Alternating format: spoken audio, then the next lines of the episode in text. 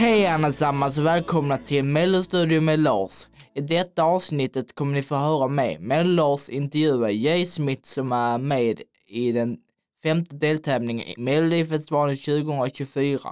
Nu kör vi! Eh, kan du presentera dig för de som inte vet vem du är?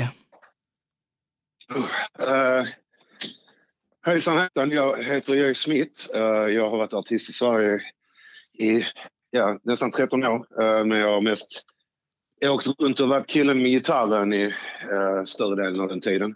Mm. så att det har inte riktigt varit med i sådana här sammanhang innan. Förutom när jag var med i Idol.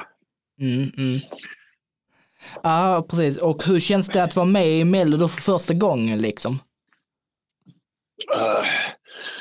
det är uh, roligt, skrämmande och spännande och uh, omvälvande. Mm. Kan du utveckla det lite grann mer? Uh, vad ska man säga? Det, är, det är kul att få chansen att kanske levla upp lite i karriären. men samtidigt stå framför kameror och köra hela den grejen är väl kanske inte riktigt min favoritdel av jobbet men jag ska absolut göra mitt hundra bästa för att, vad ska man säga, få folk att ha roligt tillsammans med mig. Mm, Okej, okay. yes. Eh, hur har livet förändrats efter du har blivit pappa liksom? Oh, så mycket som, uh, som det någonsin går.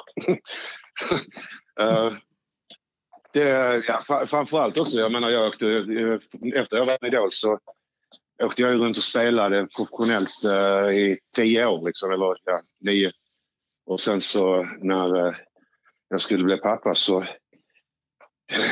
det så här att när man åker runt och spelar är musiker så kan man ju ha vissa månader som är väldigt bra, andra månader som kanske inte är lika bra ekonomiskt och när man är själv och inte har något större ansvar mer än för sig själv så funkar det ju ganska bra. Men när man ska ha en familj så kan det ju vara en lite sämre eh, aspekt av det. Så att eh, då började jag ju även jobba som takläggare mm. eh, ovanpå det. Så det var ju också en, en jävla förändring. Mm, okay. Ehm, mm. och, och, så, så att det, eh, det är ju även det att försöka balansera eh, alla de här grejerna och spela musik på helgerna, vara ute och jobba på taket på vardagarna och sen komma hem och, och vara pappa också och äkta make och hela köret. Så det var definitivt en utmaning men det har gått bra. Det är jävligt kul. Mm. Och, och, med ansvar så växer man. Liksom. Exakt. Och kände du att du kunde kombinera både det här jobbet som takläggare och kombinera det med musiken liksom? Eller blev det någon eh, slags, var det blev jobbet för dig liksom så eller? Alltså det, definitivt är ju... Det, det är ett tufft jobb fysiskt. Man är ju trött uh, och så. Ja. Uh, så att sen när man då jobbar hela veckan och beger sig ut på helgerna så kommer man inte tillbaka på söndag kväll och är utvilad precis. Så att efter ett tag så börjar det bli lite så halvtufft liksom. Men jag hade en förstående chef och jag har en förstående fru så att det, det har gått ganska bra. Mm. Okej, okay. mm, yes. Eh, vad handlar din låt om i år om då? Det är basically en låt eh, om eh, att eh, när man trillar så reser man sig och det handlar väl mer om hur man reser sig än att man trillade. Okej. Okay. Eh, vad, vad var tanken när du var med och skrev eh, den här låten som du ska framföra nu på Mello? Liksom? För, för att eh, jag vet ju ändå att eh, din eh, syster är också med där på ett hörn och, i den här låten ju. Ja, alltså det, nej, det är faktiskt eh, det är mer jag som är på ett hörn i den här låten, alltså när det okay. gäller skrivareffekten. Uh, utan det är uh, Victor och Maria, alltså Smith Tell, som har mm. skrivit mm. låten. Och, och jag vet det kommer väl säga så här att uh, det var väl tre år sedan eller någonting.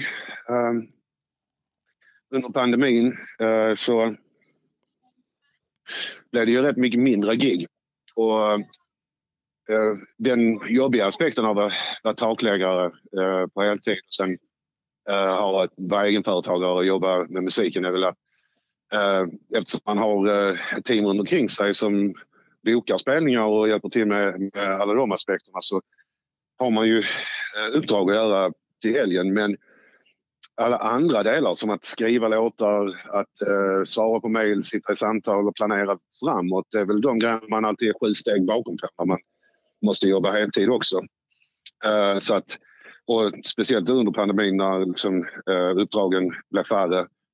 Eh, att man kommer in i eh, perioder där man går lite neråt och tappar hoppet liksom, att, om att det ska kunna gå liksom, eh, framöver. Och sen så eh, hände det sig så att jag bara fick eh, några e-mails från eh, ett gäng låtskrivare som eh, ville att jag skulle gå på eh, deras melodier. Och eh, vi hade en eh, familjemiddag hemma hos mig och Eh, jag pratade med min syster Maria om att eh, jag hade fått de eh, förslagen och att jag funderade på jag tänkte på det sättet så kanske jag skulle kunna få upp karriären igen och kanske kunna koncentrera mig på musiken helt och hållet istället för att försöka göra allting halvdant. Eh, och så sa hon att ja men fan om du ska göra Mello, varför gör du inte det med oss då? Eh, och så sa jag att eh, det gör jag så gärna så. Jag bara trodde ni varken hade lust eller tid. Liksom. Eh, och så hade de precis kommit hem från Nashville och varit där och skrivit med folk. Och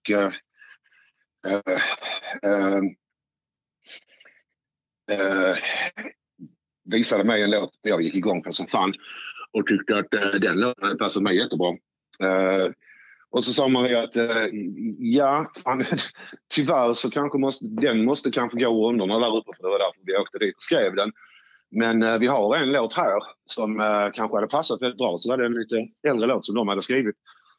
Eh, som egentligen var skriven till en tjej från början. Men eh, Okej. vi tittade på den, eh, sänkte tempot lite och skrev om texten Eh, och lite sånt. Och sen så skickade vi in den och så blev det den låten som vi eh, eh, som eh, vi kom med. Eller rättare sagt, vi skickade in den förra året och kom inte med. Och sen så när det var några veckor kvar på den senaste så fick vi ett eh, samtal eh, där de undrade om vi ville skicka in den igen.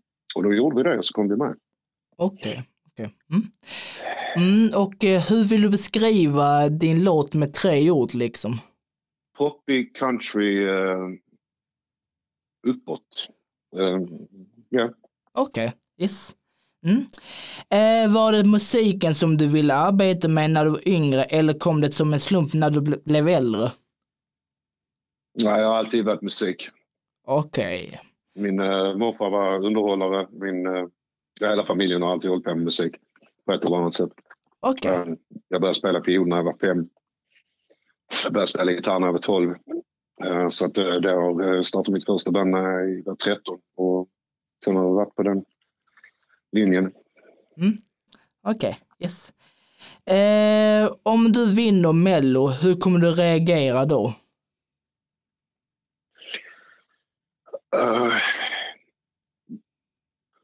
Jag kommer bli väldigt, väldigt glad. Eh, För det betyder väl att folk tycker eh, om det jag gör. Mm. Eh, Så det kommer att vara enormt spännande och kul om det blir så. Ja, precis ja. Yes. Ja.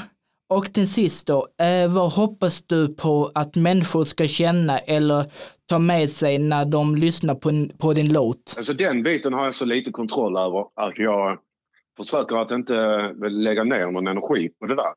Eh, Det är alltid i betraktarens ögon. Eh, Och även om jag har Uh, om jag känner att det, en låten har ett meddelande som jag tycker att ska, som folk ska känna så kommer de alltid känna...